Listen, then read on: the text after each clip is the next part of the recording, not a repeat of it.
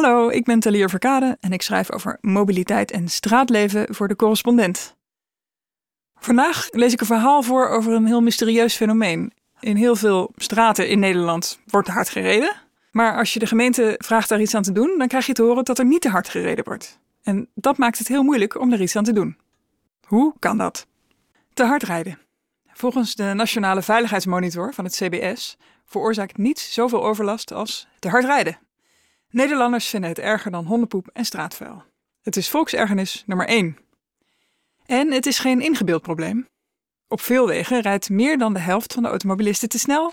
En ook een overschrijding met meer dan 10 km per uur komt vaak voor, schrijven de verkeerskundigen in hun vakblad, op basis van diverse onderzoeken. Zijn we allemaal hufters? Of is het misschien gewoon lastig om langzaam te rijden in een machine die minstens 80 wil en 250 kan? Het probleem beperkt zich niet tot 30 kilometer wegen. Als je kijkt naar een kaartje met de 50 kilometer wegen van Amsterdam, dan zie je dat op het merendeel van de straten en bijna overal buiten het hart van de stad mensen met een auto harder rijden dan wat we met elkaar hebben afgesproken. Dus we hebben een probleem waar iedereen last van heeft, dat verboden is bij wet en dat veel verder gaat dan overlast. Want met hondenpoep en straatvuil maken we elkaar niet per ongeluk dood. Maar vraag je je gemeente hier iets aan te doen?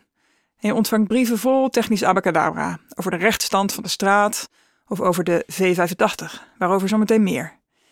Je krijgt te horen dat sommige mensen weliswaar subjectieve onveiligheid ervaren, maar dat snelheidsmetingen uitwijzen dat er niets hoeft te gebeuren. Dat het excessen zijn, uitzonderingen die er altijd zullen zijn.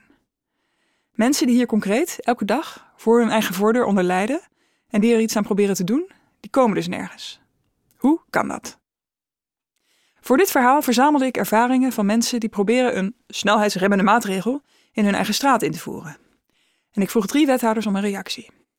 De meeste bewoners die ik sprak zijn al langer dan twee jaar bezig om een drempel, een paaltje of een andere snelheidsremmende maatregel te krijgen. Het zijn veelal grootouders en ouders en vaak ouders van jonge kinderen. Van oudsher zijn dit altijd degenen die zich het meest druk maken over deze zaak. Vroeger blokkeerden moeders kruispunten, barricadeerden ze hun eigen straten. Maar timmer in deze tijd een plastic drempeltje vast aan de straatklinkers en de handhavers van de gemeente dwingen je binnen een dag om het weer weg te halen. Schilder haaientanden op de weg tegen de hardrijders nabij een school en je mag een nacht doorbrengen in de politiecel. En de burgemeester zal daarna zeggen dat je arrestatie gerechtvaardigd was. Gemeente en handhavers zijn niet voor, maar tegen je. Zo is de ervaring van de bewoners die ik spreek. Rob Teunissen woont in Elst, gemeente over Betuwe. Ik ben vader van twee hele lieve kinderen, Evie van acht en Tijn van tien. Zo mailt hij me. Ze durven onze straat nauwelijks op, omdat er heel snel wordt gereden voor onze voordeur. Sinds twee jaar begeleiden we onze kinderen elke ochtend naar een veilig gedeelte van de straat, waar zij dan de route naar school kunnen vervolgen. Op het moment dat Teunissen me mailt, is hij al ruim duizend dagen bezig om een veiliger straat te krijgen, waarbij hij verwikkeld is geraakt in een bittere strijd met de gemeente en met de verantwoordelijk wethouder. Een raadslid dat zelf op deze straat bijna van de sokken werd gereden, steunt hem. Pieter Parmentier uit Diepeveen bij Deventer, grootvader van vier kleindochters, schrijft: We wonen hier nu 35 jaar en het is veel drukker geworden. Ook met hele grote vrachtwagens, voor de bevoorrading van winkels en voor bouwprojecten, en ook met landbouwverkeer. We voeren al maanden actie met 30 kilometer stickers van Veilig Verkeer Nederland op onze afvalbakken. Of er ooit gehandhaafd gaat worden, is maar de vraag, want er vallen hier volgens de gemeente weinig slachtoffers. Dan hebben we Judith Eikelkoorn uit Ekkelrade, een dorpje in de Limburgse gemeente IJsden-Margraten. Zij schrijft: Waarom er nog verkeersborden worden geplaatst, is me eigenlijk niet duidelijk. Het is kennelijk normaal je er niet aan te houden. Het is ook normaal om niet te handhaven, zoals dat tegenwoordig heet. IJsden-Margraten, legt ze uit, is een fusiegemeente van 18 oude dorpjes. Veel toeristen, landelijke weggetjes die geasfalteerd zijn en die daardoor ineens door snelverkeer misbruikt worden. Afgelopen herfst heeft een aantal boeren het wel erg bond gemaakt bij het binnenhalen van de aardappeloogst uit België, die hier moet worden opgeslagen. Wekenlang reden ze met donderend geraas, met zwaailichten en veel te hard en met een gewicht van 50 ton vlak langs de oude gevels. Eikel Korn heeft ingesproken bij de raad, ludieke leuzen in de voortuin geplaatst en met andere aanwonenden VVN ingeschakeld. Het helpt niets. Ik vraag de mensen die contact opnemen op welk punt ze vastlopen. Er zijn een paar patronen te herkennen. Zo zien alle bewoners een inrichtingsprobleem in hun straat, waar de gemeente een gedragsprobleem ziet. Rob Teunissen woont aan een straat die de Aurelius heet. Er is daar, zoals hij vertelde, geen stoep. Daarom had deze straat al vanaf het begin als woonerf ingericht moeten worden, oordeelde ook Veilig Verkeer Nederland in een rapport. Dat is niet gebeurd. Een ontwerpfout zoals je die wel meer tegenkomt in Vinexwijken. Dan heb je straten zoals de Opwettense weg in Nune. Oorspronkelijk een lintweg tussen Nijmegen en Eindhoven. Er staat nu een bordje 30, maar de weg is niet ingericht als 30 kilometer weg. Te duur. En de drempel die er ligt, die stamt ook nog uit de tijd dat je daar harder kon. Er komen voordeuren praktisch uit op deze weg. Vorige week is hier een hond doodgereden, waar het meisje van wie hij was naast stond. Schrijft bewoner Harm Scholten in zijn eerste mail. Hemeltje lief. De politie handhaaft in zo'n geval niet. Je kunt volgens de politie namelijk niet verwachten dat mensen zich aan de snelheid houden als de weg daar niet op is ingericht. Dit is het handhavingsprobleem waar Judith Eikelkoor naar het Eckelraden over mailde. Als aanwonenden meer dan eens hebben geklaagd over snelheidsovertreders en vergeefs gevraagd hebben om handhaving en er dan niemand wordt doodgereden, is dan moreel gezien de gemeente niet aan te spreken op dood door schuld? vraagt zij zich af. Het is glibberige materie. Spreek over handhaving en de aandacht gaat al snel naar hufters. Terwijl de vraag nou juist was hoe het kan dat huftergedrag, veel te hard met een auto door een woonstraat rijden, überhaupt mogelijk is. Sommigen stuiten op het hulpdienstenprobleem. Ambulances, politiewagens en brandweer moeten hun aanrijdtijden halen. En daarom mogen er geen drempels komen. Voor die uitzonderlijke situaties richten we onze steden en dorpen in. Verder gaat het gesprek vaak over geld. Een beetje kruispuntplateau ETW-ETW, ofwel een bobbel op het kruispunt. ETW staat voor erf toegangsweg. Kost toch al 55.000 euro. En wist je dat gemeenten voor een beetje drempel 9000 euro moeten betalen? Dan heb je een officiële drempel. Maar die zijn dus te duur om overal neer te leggen. Dus het is te duur om mensen op straat te beschermen tegen het gevaar. Zou het goedkoper kunnen zijn om het gevaar weg te nemen? En dan is er altijd nog het belang van vlotte doorstroming. Als je in deze straat een drempel neerlegt, wordt het dan niet te druk in de straat hiernaast. Wat moeten we dan met de mensen die daarover beginnen te klagen? Je zou haast gaan geloven dat het belang om snel ergens te kunnen komen voor de meeste mensen zwaarder weegt dan de overlast die we daarvan ervaren. Liever morgen dan overmorgen dat pakje in huis en waar blijft mijn pizza? En iedereen rijdt toch te hard? Maar zie die monitor van het CBS. We vinden te hard rijden wanneer we niet in de auto zitten echt heel erg. En als er een kleuter van vijf door een bezorger van PostNL wordt doodgemaakt, per ongeluk, dan concluderen we unaniem dat dat nooit had mogen gebeuren. Dat niemand het erg vindt om langer op zijn pakket te wachten. Waarom doet de gemeente niets? Waar de burgers die ik spreek last van hebben, is dat doorstroming als iets technisch wordt gepresenteerd. Iets wat erbij hoort en dus niet bespreekbaar is om op te geven. Maar de file is even eigen aan het autoverkeerssysteem als aanrijdingen dat zijn. Van wie is de straat? Waarvoor gebruik je die? Wie heeft er de meeste rechten? Hoeveel vrijheid geef je mensen? En hoeveel vrijheid kost dat andere mensen? Het is een prachtig en eindeloos politiek dilemma. Wat ik leerde van de gesprekken met de bewoners is dit. Het dilemma hebben we in zijn geheel tot een technische rekensom gemaakt. En de uitkomst daarvan mag het beleid nu bepalen. Voor zijn straat zonder stoep vraagt Rob Teunissen de gemeente over Betuwe om maatregelen tegen de hardrijders die via de Aurelius naar de rondweg rijden. Dat is de route die de navigatie-app aangeeft. De gemeente laat de snelheidsmeting uitvoeren en laat Teunissen het volgende weten. Uit de resultaten blijkt dat het overgrote deel van de voertuigen niet te hard reed. De resultaten geven de gemeente geen aanleiding om nadere verkeersmaatregelen in de Aurelius te treffen. De V85 ligt onder de 30 km per uur en er zijn weinig overtredingen. Wat die V85 precies is, laat Teunissen koud. Het lijkt hem irrelevant. Dus bijt hij zich vast in de zin die volgt. Er zijn uitschieters, maar de verwachting is dat dit onjuiste verkeersgedrag ook na eventuele maatregelen zal blijven bestaan. Zo moeten bezorgdiensten bijvoorbeeld aan hun bezorgtargets blijven voldoen. Maar Teunissen had nou juist een reeks bezorgers gefilmd die te hard door zijn straat rijden. Bezorgers van de Albert Heijn, DPD, DHL, Jumbo, PostNL, HelloFresh, GLS, UPS, Janssen Totaalwonen, Wonen en Suez. Hoezo moeten de bezorgers aan hun bezorgtargets blijven voldoen? Natuurlijk hoeven ze dat niet. Dat is een politieke keus. Zou de gemeente zich dit nog realiseren? Dat hier een keuze voor die targets wordt gemaakt en dus voor gevaarlijke situaties op straat. Bij het presenteren van de snelheidsmeting als een objectief gegeven is ook een politieke keus gemaakt. Want wat was die V85 nou eigenlijk? die onder de 30 km per uur lag. Raymond Bergers, nog een jonge vader, die woont aan de Trompstraat in Leidsendam, besluit zich niet te laten afschepen na het ontvangen van een bericht dat de snelheidsmeting in zijn 30 kilometer straat in orde is. Hij vraagt de achterliggende tabellen met de metingen op en ontvangt een kluif van een Excel-sheet. Uit die cijfers begrijpt hij dat 3,8% van de mensen de snelheid overtreedt. Op het eerste gezicht lijkt dat inderdaad weinig. Maar Bergers kan ook opmaken uit de cijfers dat de overtredingen die er plaatsvinden nogal heftig zijn. Iemand in een bestelbusje die 47 rijdt, iemand in een auto die 48 rijdt, iemand op een tweewieler, een brommer, een motor die 53 km per uur rijdt. Precies die uitzonderingen, de hardrijders, waar het Bergers om gaat, blijken niet meegerekend te zijn in de V85. Want met de V85 wordt er gekeken naar de snelheid die 85% van de bestuurders niet overschrijdt. En die ligt bij hem op 26 km per uur. Maar het ging Bergers en zijn buren nou net om die 15% uitschieters erboven. De V85 is het instrument dat alle verkeersexperts gebruiken, in alle gemeenten van Nederland. Dus het zal wel kloppen, toch? Voortaan weet u hoe het zit. De gemeente laat een snelheidsmeting doen, na zorgen van een buurt om hardrijders. En de uitslag van de snelheidsmeting, de V85, telt de 15% grootste hardrijders, 1 op de 7 bestuurders, niet mee. Wethouder Judith Bokhoven van GroenLinks uit Rotterdam legt de logica achter het gebruiken van de V85 desgevraagd zo uit. Ze schrijft: Wanneer 85% of een groot deel ervan zich houdt aan de maximale snelheden, is onze aanname dat niet de weginrichting een probleem is, maar het rijgedrag van weggebruikers. Die rijden ook te snel en roekeloos wanneer we de weginrichting hebben aangepast om snelheden te beperken. Precies, maar bij de bewoners die om maatregelen vragen gaat het nu juist om die hardrijders.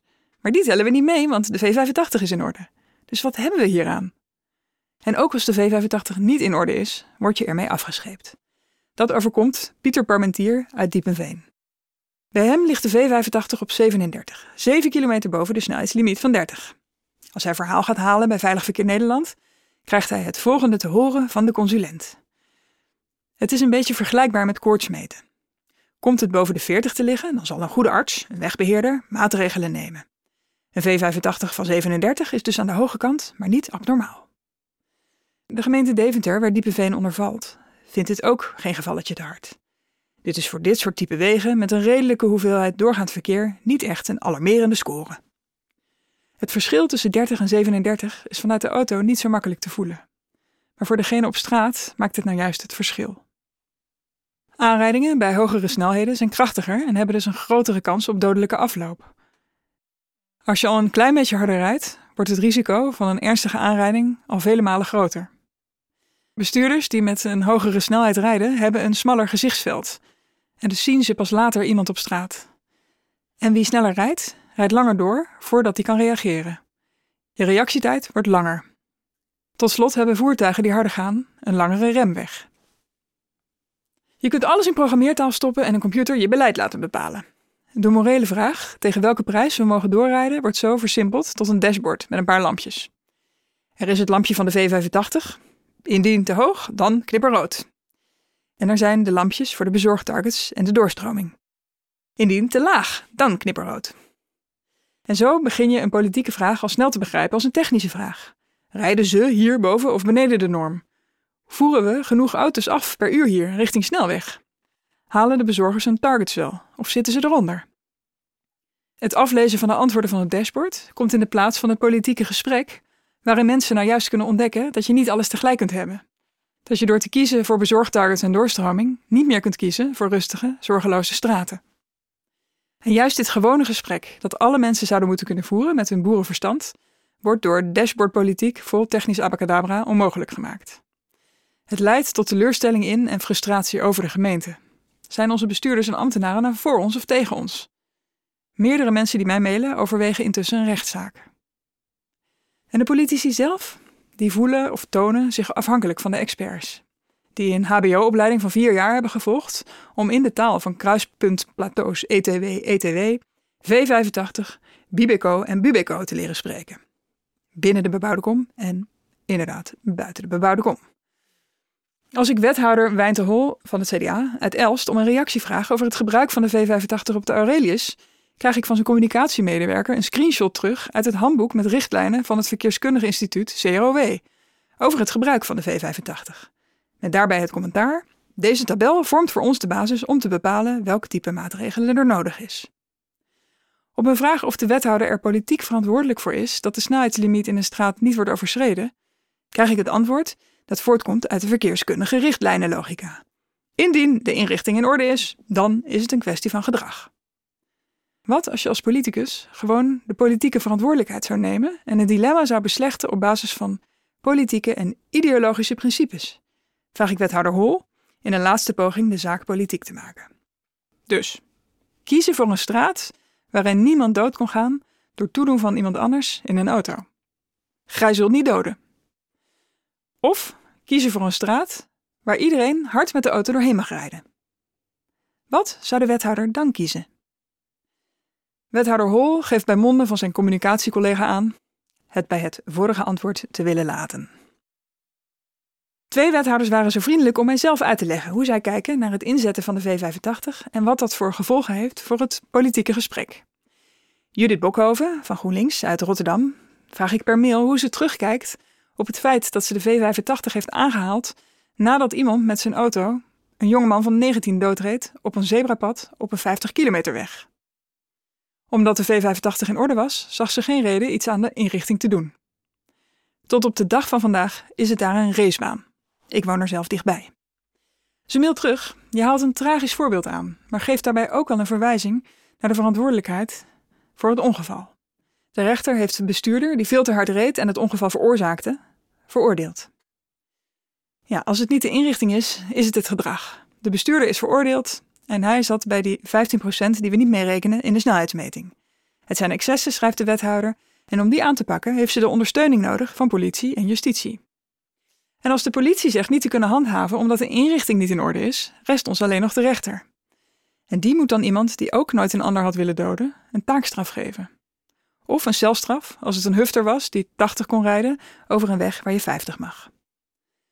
En dat is dan iemand die zijn woede, blijdschap, dronkenschap of vermoeidheid, normaliter relatief onschuldige menselijke gemoedstoestanden, via zijn auto kon omzetten in een dodelijke kracht. Wethouder Hans Boerkamp van D66 uit Renen spreek ik telefonisch. Hij stelt dat een politicus zich niet mag verschuilen achter een technische richtlijn en dat de V85 alleen een begin van een gesprek is. Als de V85 niet in orde is, zegt hij, weet je zeker dat je iets moet doen. Als hij wel in orde is, kan het nog steeds zijn dat je iets moet doen. Maar dan is bijvoorbeeld een gesprek met de buurt, die de hardrijders vaak persoonlijk kennen, vaak een beter idee. Een kwestie van gedrag dus wederom, en van geld. Je moet keuzes maken. Ik kijk dan bijvoorbeeld, is het een kinderrijke straat? En een V85 over 10 auto's is ook weer anders dan over 100 auto's. Zo pel je het dan af. Zijn we reddeloos verloren? Natuurlijk niet. Juist in Rotterdam gloort iets van hoop. Toen er eind vorig jaar een meisje van 14 werd doodgereden door een automobilist, nam de gemeenteraad unaniem een motie van GroenLinks aan, waarbij de gemeente belooft zich achter initiatieven uit de buurt te zullen scharen om van 50 kilometer wegen 30 kilometer wegen te maken. Het was een motie die aansluit bij de Tweede Kamermotie om 30 de limiet te maken binnen de bebouwde kom. Direct zette de Stichting Wetenschappelijk Onderzoek Verkeersveiligheid de rem op de hoop, want drempels zijn zo duur. Maar dit gebeurt nu wel in Rotterdam, niet de eerste stad waar je zoiets verwacht. De wil tot verandering is daar. Misschien zijn we enkel vastgeroest in het denken over de straat als een technische ruimte.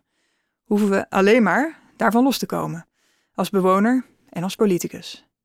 Want waarom richten we de straat überhaupt in aan de hand van de snelheid van auto's? 30 km per uur? Dat is 8 meter per seconde. 30 km per uur?